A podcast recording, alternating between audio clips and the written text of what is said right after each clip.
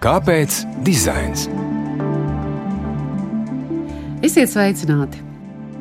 Kas ir atbildīga mode? Mazāk pirkt vai pirkt droši, jo daļa no precēm esot ražotas atbildīgi pret vidi, atbildīgi pret cilvēkiem, un daļa no sastāvdaļām ir pārstrādāti materiāli. Kā apģērba ražošanas kompānija darbu regulē un vai atbildīgāka pieeja tiem rada zaudējumus vai pat ieguvumus? Par to raidījumā Kāpēc dizains saruna ar Daci Akuli, biedrības Zaļā brīvība ilgspējīga tekstila eksperti, Sveika Dace, un Ditu Danusu, modes palātas vadītāju un Latvijas dizaina centra vadītāju. Sveika, Dita! Sveicināti! Jūs uzrunājat Ilza Dobeli. Jūs satikāties vēl pirms raidījuma, un es jau nevarēju pārtraukt jūsu abas sarunas, jo ir skaidrs, ka jums sarunām ir ļoti daudz kopēju tematu, un abas iestājaties arī par šo šīs dienas tematu. Bet es gribētu iesākt ar tādu kā emocionālo noskaņu šajā jautājumā, pēc tam pāriet pie tādas faktoloģiskās daļas, un tad beigās par to, kādi tad ir risinājumi. Nu, lūk, un šo emocionālo daļu es gribētu iesākt ar faktu, ko jūs noteikti arī ļoti labi zinat, ka 2011. gadā The New York Times melnās piekdienas izdevumā amerikāņu amerikāņu ārā apģērba mazumtirgotājs Patagonija publicēja pārdrošu reklāmu, aicinot pircējus nepirkt savu jaku. Un zem šīs jakas attēla bija ziņojums, kurā bija sīkā aprakstīts, kāpēc tad klientiem to nevajadzētu darīt. Nu, piemēram, fakts, ka šīs jakas ražošanā izmantotā ūdens daudzums vienu dienu pietika 45 cilvēkiem un viņu ikdienas vajadzībām. Un tas, ka jakas ražošanā radītā ogļu dioksīda emisijas 24 reizes pārsniedz pašas jakas svaru. Lūk, un kampaņa veicināja izpratni par šo aktuālo problēmu, ko viņi paši ir atzina un teica, ka tas ir bijis viņa uzdevums, bet pārdošanas apjoms pieauga pēc šīs akcijas par 30%. Tātad Ja mēs tagad ejam mūsdienās veikalā un skatāmies, kā apģērba ražotāji šķiet īstenot tādu pieeju, būt ļoti atbildīgiem, būt zaļiem, mēs arī tādi esam, to parādām uz etiķetēm, un uz etiķetēm mēs varam lasīt, cik daudz ir pārstrādātie materiāli. Un vai tas nozīmē, ka mēs atkal varam pirkt? Daudz pirkt, jo tā ir atbildīga ražošana. Nu, pirkt mēs noteikti varam, bet vai daudz tas ir ļoti labs jautājums. Man liekas, tas tavs eh, pieminētais eh, Patagonijas piemērs tiešām eh, labi parāda, ka patiesībā ar šo komunikāciju uzņēmums nevis saka, ka nevajag patērēt tā, jo mēs neesam vienojušies sabiedrībā kailsteigā, tā kā apģērbums ir vajadzīgi, bet uh, pateikt, kas tiešām uh, no dabas tiek prasīts, patērēts un arī no cilvēkiem tiek prasīts, lai katru to apģērbu gabalu dabūtu gatavu. Un tur ir ļoti daudz uh, gan prasību, prasmes, gan resursi ieguldīt.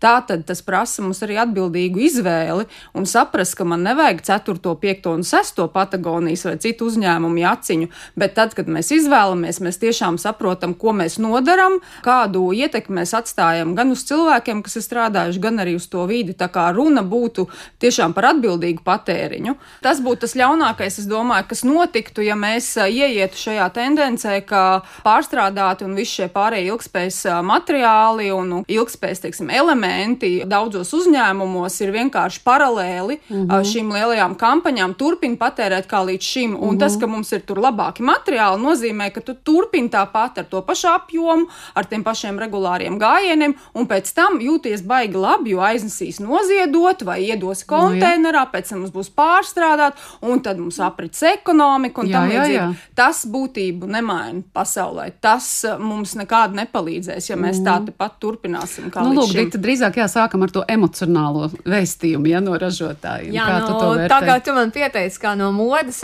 tad es arī teiktu, es labprāt gribētu ticēt tam, ko es pateikšu, ka impulsīvi iepirkties vairs nav modē. Nepērkam modi kā untuma preci, kas ir bijis savus 10, 20 gadus, kā tāds trends vai tendence, tā vairāk nedrīkst. Noteikti un mūtu modē izvērti pirkt, atbrīvot skapi vietu tam izstrādājumam, vai tas ir nokalpojis, vai tas ir dots paudzēs vai kādai citai ģimenei, bet to visu, visu izsvērt. Un tomēr tas, ka uz etiķetes ir rakstīts, ka tas ir no pārstrādāta materiāla, kaut gan ir ļoti mazs procents tekstilu industrijā, kas tiek pārstrādāts, un uz tām etiķetēm mēs daudz tādu neredzēsim, arī tas jau ir tikai daļa atbildīguma.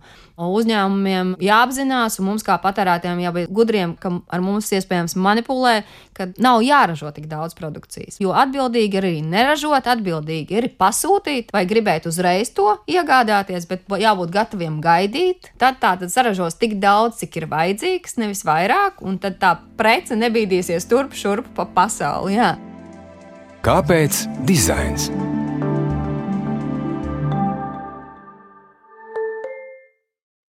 Citējot kādu rakstu New York Times novembra beigās par to, kāpēc modes industrijai pat patīk izaugsmes samazināšanas ideja, ekonomikas antropologs Jasons Hikels šo terminu nodēvēja par the growth, kas principā jau radās 70. gados kā izaugsmes samazināšanās, kas nozīmētu plānotu enerģijas un resursu izmantošanu samazināšanu, lai atgrieztu ekonomiku tādā līdzsvarā, kas samazinātu nevienlīdzību un uzlabotu cilvēku labklājību.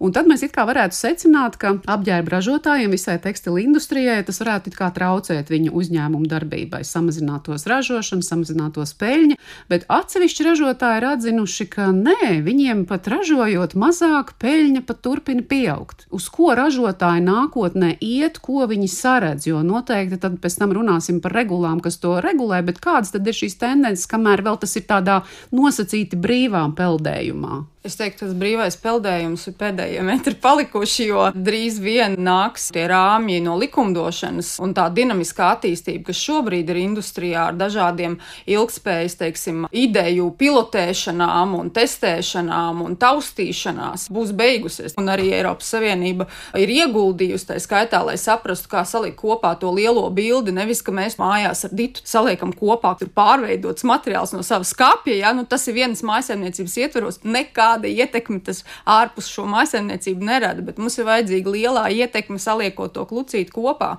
Un tad es teiktu, ka tādas tendences, kas liek pārskatīt to biznesa modeli, kā līdz šim ir strādājuši uzņēmumi, tas ir kaut kas paliekošs un tas visiem, ja to nedomā tagad, tad jau gandrīz pēdējā iespēja tajā vilcienā ielikt. Un tas piemērs, ko tu minēji sākumā, Patagonija, ka viens no viņu augošajiem tieši tiem segmentiem bija nodrošināt pakalpojumu salabotās drēbes. Tas nozīmē, nozīmē, pēkšņi tev ir vajadzīgi visi tie šuvēji, visi tie speciālisti, kas spēj salabot tās lietas. Un tāds patērētājs, kas ir investējis labā, kvalitatīvā lietā, viņš arī būs ieinteresēts labot. Tātad tas ir jau atgriezošais klients. Patagonijas statistika ir, ka liela daļa no viņu drēbēm tiek izmantot aktīvajā sportā, ārpusē, un tur uzkāpjas koks, aplēš un tam līdzīgi. Nu, tad nāk un salabo. Un tas ir, piemēram, viens no tādiem piemēriem, kas arī uzņēmumiem ir jāpārdomā. Tā labošanas iespēja, pielāgošanas izmantošanas iespēja. Tad, piemēram, arī pielāgošana kā pakalpojums arī būtu forša lieta, pēc ka mēs katrs esam individuāli un, protams, arī nopelnīt naudu uzņēmumam par to, ka tu mm -hmm. esi piedāvājis tādu pakalpojumu. Tad varētu teikt tāda aprites ekonomikas radīšana pašu uzņēmumu iekšēnē, jo, nu, es nezinu, cik tas arī ir patiesi, bet atradu tādu datus, ka Britu universāla veikals Selfridge paziņojas, ka līdz 30. gadam no klientu darījumiem ir jābūt balstītiem tālākā pārdošanā, remontā vai nomā. Dita, ko tu zini par šīm tendencēm, uz ko iet lielie uzņēmumi? Jāskatās nevis uz vienu uzņēmumu, kāda būs viņa dzīvotspēja, bet īstenībā uz ekonomiku. Jo skaidrs, ka vienā brīdī nepieciešams ražot mazāk, un, taču tas, kas ir vajadzīgs, un tās investīcijas aiziet apritīgumu nodrošināšanā, lai pēc iespējas vairāk ir jau pārstrādāts materiāls, un pēc dzīves cikla beigām viņš atkal turpina. Tātad tas tiek sadalīts pa sastāvdaļām un pārstrādāts. Un tāpēc mums Latvijā vajadzēs un visā Eiropā vajag tādas kompetences tieši pārstrādē, šķirošanā, sadalīšanā, pārstrādē, jaunu materiālitātes radīšanā, kura ir kā alternatīva ļoti komplicētiem sintētiskiem, mākslīgiem materiāliem un īstenībā arī dabīgiem. Kā dabīgos materiālus labāk lietot, līdz ar to par to materiālu izstrādi, pārstrādi, tā vienkārši būtu tāda pārvirzīšana. Un es kā ekonomists gribētu pateikt, nepareizi domāt, ka tas, ka tagad ražos mazāk un pirks mazāks, nozīmē, ka ekonomikām būs sliktāk. Ja vien viņas neieguldīsies šajā pārstrādes attīstīšanā, un jaunu materiālu radīšanā, tad jā, bet ja viņas to darīs, tad tas ir īstenībā arī papildus iespējas. Mēs redzam, ka modes industrija paliek lokālāka. Ir mazāki saloni, ateljē. Mēs redzam, ka Latvijas modes zīmoli tie, kas pēc šāda principa dzīvo, kas zina tieši savu klientu, par viņu rūpējas, kas pielāgo tērpu, salabo, viņi arī izdzīvot.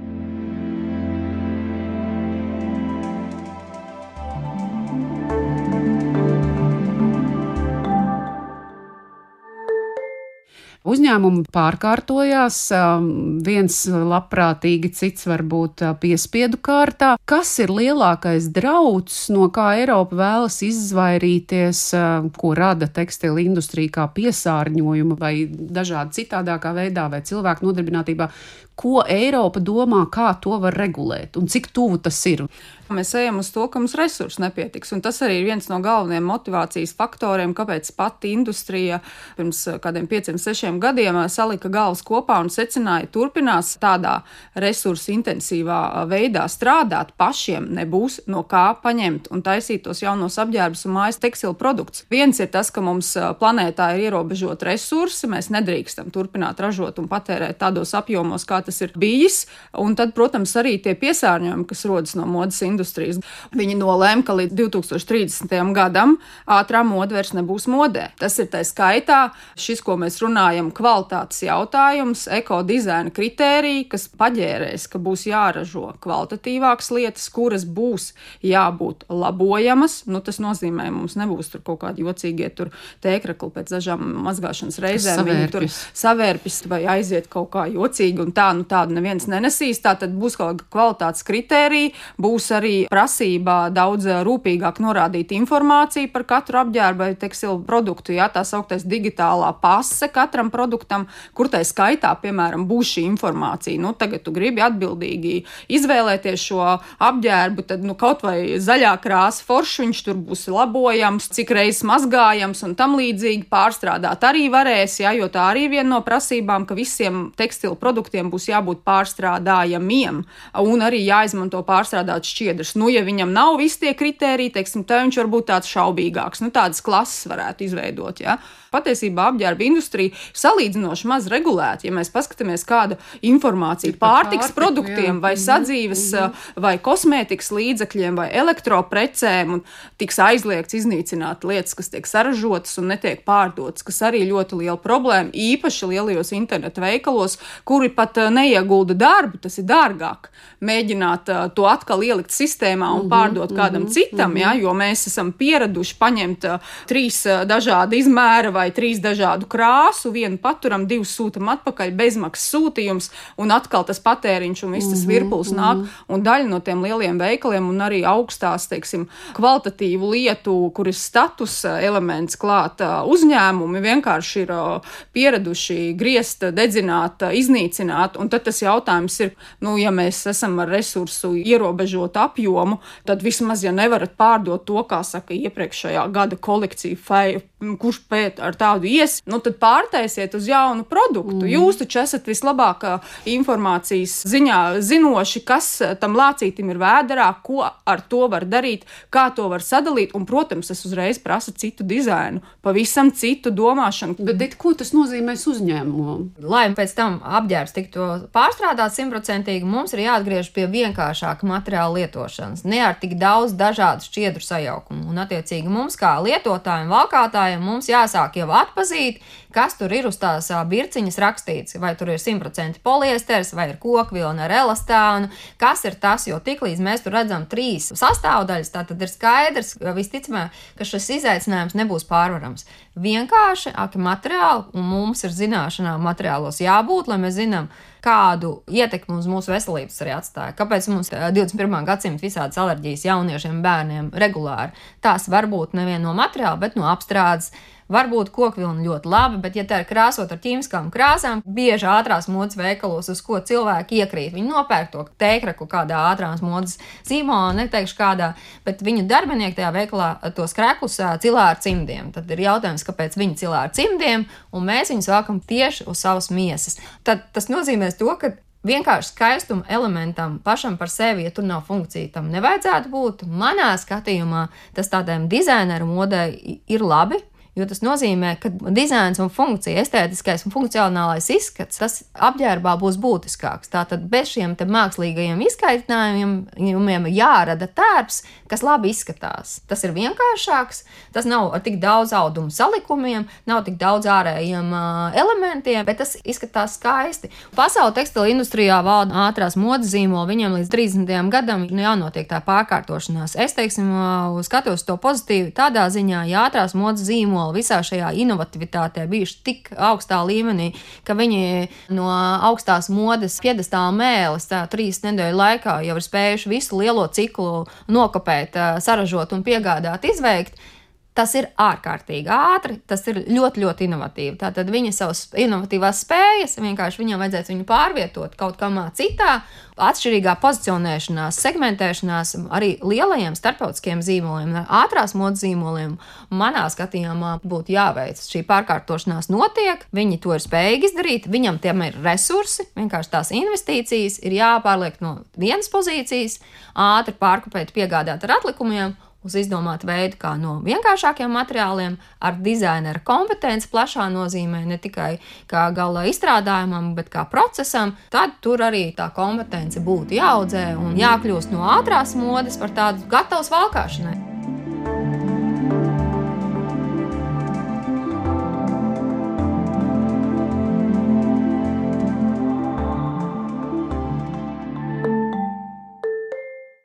Kāda ir, jūsuprāt, tā Latvijas situācija, kurā Latvijā visvairāk būtu jāpievērš uzmanība visiem šiem globālajiem jautājumiem? Nu, ja mēs runājam par Latvijas ražošanas, šūšanas uzņēmumiem, tad principā jau viņi eksportē. Viņi jau Latvijā kaut kādus 10% augstākais pārdod.